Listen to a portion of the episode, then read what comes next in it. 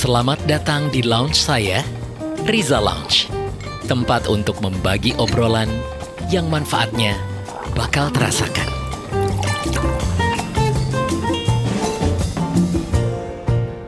Sebenarnya sih kalau dibilangin office politik, sebenarnya di divisi saya sih tidak ada office politik sih sebenarnya. Mungkin ada tapi tidak terlihat. Cuma yang ada adalah dilema. Dilema punya leader yang agak moodnya naik turun kemudian banyak drama. Jadi lebih ke situ sih arahnya. Kalau office politiknya tidak terlihat ada tapi tidak terlihat karena memang saya tidak mau terlibat di urusan office politik itu. Tapi yang terlihat yang terlihat di depan mata yang membuat capek bekerja adalah sebenarnya menghadapi mood yang berubah. Kemudian segala sesuatu suka dibuat drama office politik itu memang tidak bisa dihindari. Selama saya kerja selama 24 tahun dari perusahaan perseorangan sampai multinasional, dari konsultan sampai perusahaan terbuka, semua sama saja. Office politik selalu ada. Intinya sih semua orang punya kepentingan sendiri-sendiri dan bermain harus bisa bermain di dalamnya. Yang paling menantang sih ketika kerja di perusahaan startup yang karyawannya cuma sedikit dalam satu ruangan kecil isinya empat orang dempet-dempetan. Sehingga intrik yang timbul dan friksi uh, yang terjadi lebih besar. Drama dan pertengkaran staff milenial tuh di depan mata saya saya yang angkatan kolonial menghadapi milenial. Bayangkan sebuah sinergi antara yang berpengalaman dan yang semau gue karyawan baru stok lama yang sulit dibentuk dan nggak mau kerjasama. Um, sebenarnya kalau yang sekarang dirasain ya lebih ke arah di kantor ini udah banyak banget office politik yang makin makin bobrok. Jadi kayak banyaknya orang naik turun jabatan bukan karena prestasi lagi tapi kayak lebih like and dislike siapa temannya siapa. Bahkan ada beberapa yang dibuatkan kotak-kotak khusus itu untuk memenuhi keperluan-keperluan pribadi. Karena saya suka sama dia ini saya buatkan kotak jabatan ya biar kamu bisa naik. Gimana? Tiga orang yang tadi kita dengerin sudah bicara banyak tentang keluhan mereka curhatan mereka yang terjadi di kantor. Saya sih yakin ya, kalau kita ketemu banyak teman kita, nggak ada satupun yang bilang bahwa di kantornya tidak ada permasalahan. Pasti selalu akan ada permasalahan. Iya, bisa datang dari dirinya sendiri, yang dibawa dari rumah permasalahannya.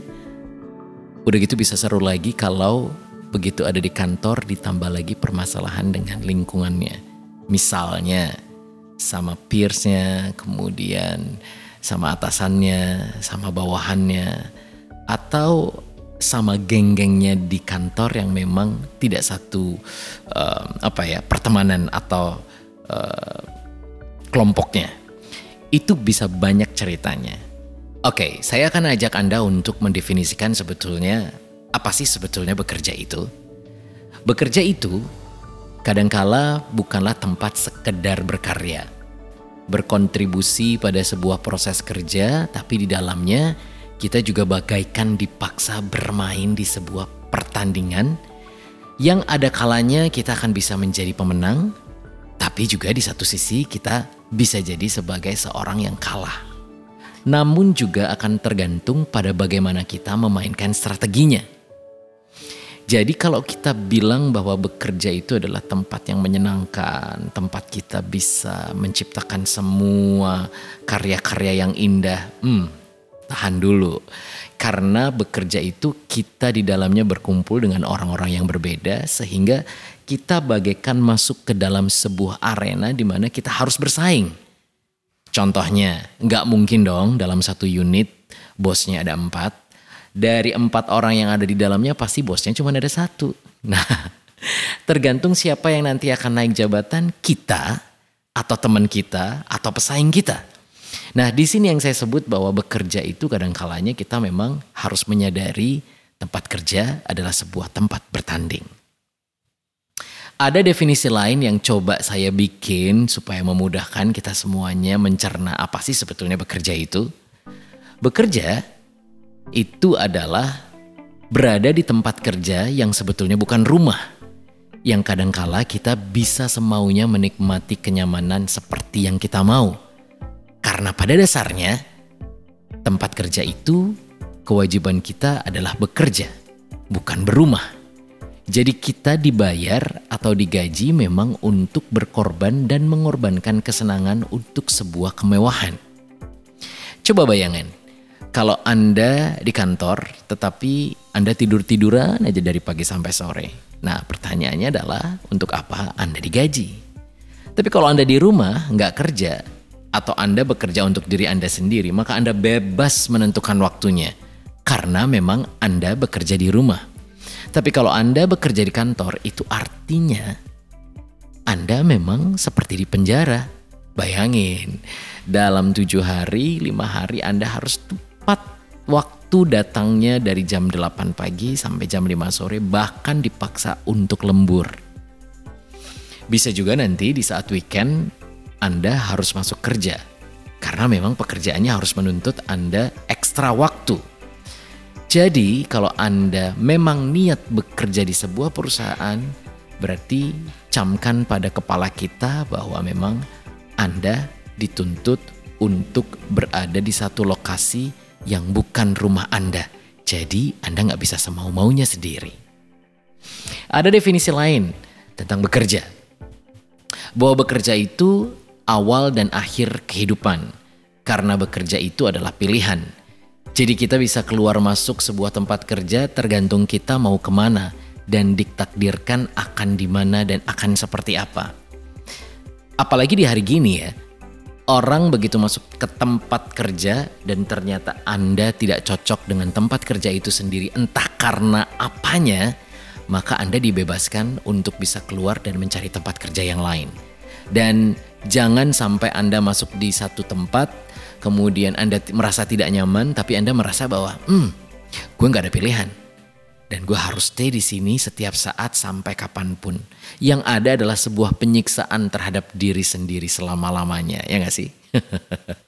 Jadi ya, bekerja itu awal dan akhirnya Andalah yang menentukan. Karena kita adalah pembuat keputusan.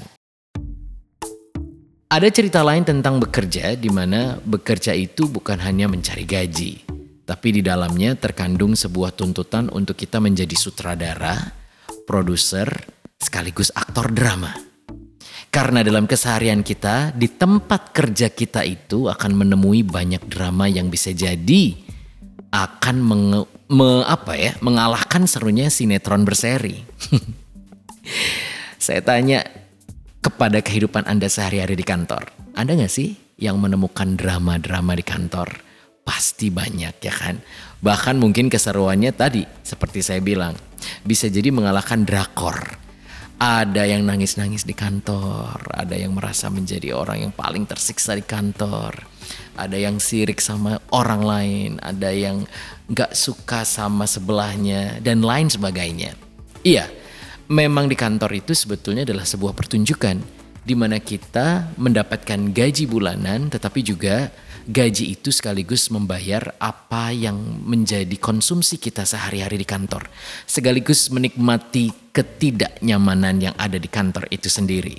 Nah, dari empat definisi itu, Anda sadar dong bahwa bekerja itu memang ya seperti itu. Bekerja itu banyak keragaman yang Anda harus telan dan tidak semena-mena hanya menunggu gajian dan juga menunggu kapan Anda dipromosikan. Oke, ada satu materi yang dari buku-buku yang saya baca, mereka menyebutnya adalah OVOL. OVOL itu adalah O F O L. Dari singkatannya uh, Organizational Facts of Life. Jadi di situ disebutkan bahwa pada kehidupan nyata yang namanya organisasi itu adalah mengumpulkan lebih dari satu orang di satu tempat. Itu yang disebut organisasi. Artinya, dalam kenyataannya, begitu Anda berkumpul di sebuah perusahaan, di sebuah institusi atau organisasi, dan Anda berkumpul lebih daripada satu orang, maka di situ ada beberapa kenyataan hidup yang harus Anda temui. Oval yang pertama itu uh, disebutkan bahwa organizations are not democracies. Jadi tidak ada organisasi yang sangat demokratis Apalagi kita berhubungan dengan orang-orang yang di mana setiap orang punya subjektivitas tersendiri. Pernah dengar kan curahan hati dari seorang teman yang mengatakan bahwa kenapa ya bos saya lebih pro ke temen gue yang cewek daripada gue yang cowok. Ada juga penyebutan bahwa tuh si A dia adalah bintangnya anak emasnya dari bos gue. Artinya begitu kita berhubungan dengan seorang manusia di sebuah organisasi, maka subjektivitas itu pasti akan terjadi. Jadi jangan pernah mengharapkan ada di dunia ini sebuah organisasi atau perusahaan apa pun itu bentuknya yang bisa menjunjung demokrasi 100%. Itu bohong banget. nggak akan pernah ditemui. Taruhan. Oke, okay.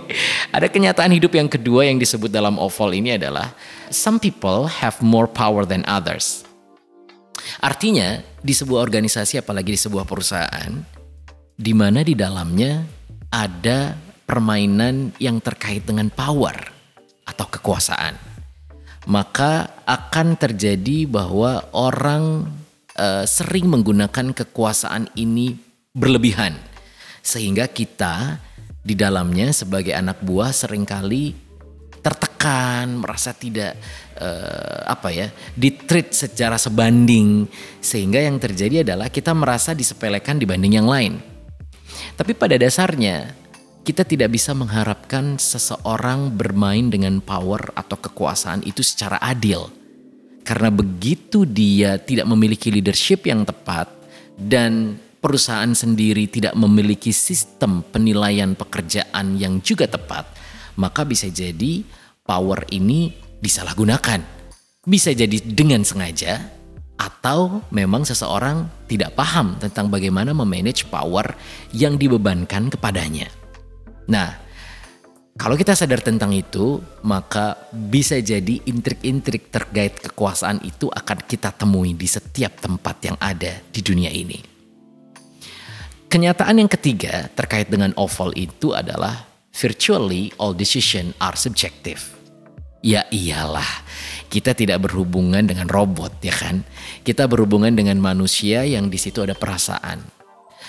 Hmm, saya pernah sih punya bos yang waktu itu um, istrinya dua.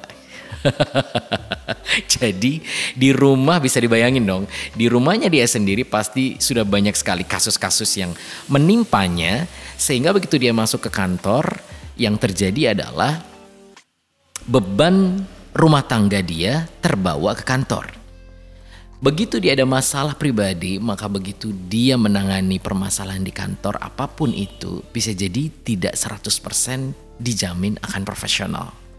Kadangkala subjektivitas akan muncul kalau ternyata kita menemui bos kita pada posisi yang gak tepat. Bahkan kita nggak ngerti perasaan dia sebetulnya lagi seperti apa. Nah, ada satu hal yang sebetulnya ya kita nggak bisa ngajarin bos kita kan. Pada saat dia lagi bete, kemudian hari Senin pula pagi-pagi, kemudian memang lagi ada meeting, kita yang bener pun bisa jadi kambing hitam untuk disalahkan. nah kalau dalam kondisi seperti ini, cuma satu jalan keluarnya. Siapa yang waras, dia yang menang. Dan siapa yang waras ya dia harus ngalah duluan ya kan. Karena subjektivitas kita tidak pernah bisa menebaknya. Itu sudah kenyataan. Ada uh, definisi lain atau kenyataan lain di oval nomor 4. Your boss has control over much of your life. Nah, apesnya seorang bawahan adalah pada saat bosnya sangat-sangat-sangat powerful dan bossy, maka dia akan mengontrol hidup kita. Dia kadangkala enggak mau tahu dengan permasalahan dan beban yang kita hadapi. Baik kita lagi nggak happy, baik kita lagi punya permasalahan, gantian dia yang nggak mau tahu. Dia akan suka-suka hatinya saja memerintah kita kapan pun, di mana pun, dalam kondisi apa pun. Nggak mau tahu, yang pasti gue maunya pekerjaan itu selesai hari ini, sekarang juga Coba kalau saya uh, saya menanyakan kepada Anda dan Anda jadi bawahan, beranikah Anda menolak perintahnya? Hmm. Ya, begitu kita tanda tangan kontrak dan kita setuju bekerja di sebuah organisasi atau perusahaan, maka Anda harus sadar dan Anda harus sadar pertama kali bahwa hidup Anda akan under control orang lain. Dalam hal ini adalah bos Anda sendiri. Jadi kalau kenyataan ini Anda sadari, maka Anda tidak boleh menuntut lebih daripada itu. Yang ada adalah terimalah, nikmatilah, dan berkaryalah setulus-tulusnya meskipun di bawah tekanan dari atasan Anda. Kenyataan kelima tentang oval ini adalah fairness is an impossible goals. Yes, apalagi namanya manusia berhubungan dengan banyak pihak, gak mungkin seorang pimpinan itu atau seorang leaders bisa membahagiakan semua pihak. Pasti ada orang yang dikalahkan, pasti ada unit yang dia pegang dan menjadi andalan, bahkan bisa dikatakan unit yang lain akan merasa tertekan dengan sebuah keputusan. Nah, impossible untuk Anda menuntut fairness dalam hal ini. Leader memang bisa jadi tidak akan pernah ada yang flamboyan. Flamboyan apa sih? flamboyan itu apa ya? Hmm, sangat diidolakan karena dia bisa menjamin kebahagiaan semua orang di lingkungannya, bikin happy, selalu membawa kebaikan. Gak ada. Di satu sisi dalam kondisi perusahaan lagi down ya kan, lagi decline, keputusan yang paling parah adalah mengambil sebuah decision yang bisa jadi tidak menyenangkan semua pihak dan fairness dalam hal ini bisa jadi dikorbankan. Yes, leaders memang harus mengambil sebuah keputusan yang kadang-kadang harus menelan korban. Oke, okay, ini adalah uh, sebuah pelajaran yang kadang-kadang is painful, ya kan? Kadang-kadang bisa menjadi uh, kenapa gue yang jadi korban sih? Ya, kita nggak bisa memilih karena uh, itu adalah kenyataan kehidupan dalam sebuah dunia perkantoran. Oh, tapi catat ya ini tidak selalu harus di sebuah perusahaan yang bisa dikatakan komersial atau uh, formal. Ini bisa terjadi di kondisi mana pun, kala mana ada lebih dari satu orang berkumpul dan mengambil sebuah uh, keputusan untuk bekerja sama. Nah, jika terjadi sebuah organisasi terdiri dari lebih dari satu orang, maka itu disebut bahwa uh, organisasi tersebut akan dekat dengan yang namanya office politics. Nah, kalau Anda belum pernah mengenal office politics, nanti saya akan ajak Anda untuk mengenal apa sih itu yang namanya office politics. Tapi pastinya kalau Anda sudah mengenal office politics, maka Anda harus bisa menyadari bahwa haruslah setiap kita untuk bermain intelijen. Akan seperti apa? Kita akan menuju ke sesi berikutnya. Thank you.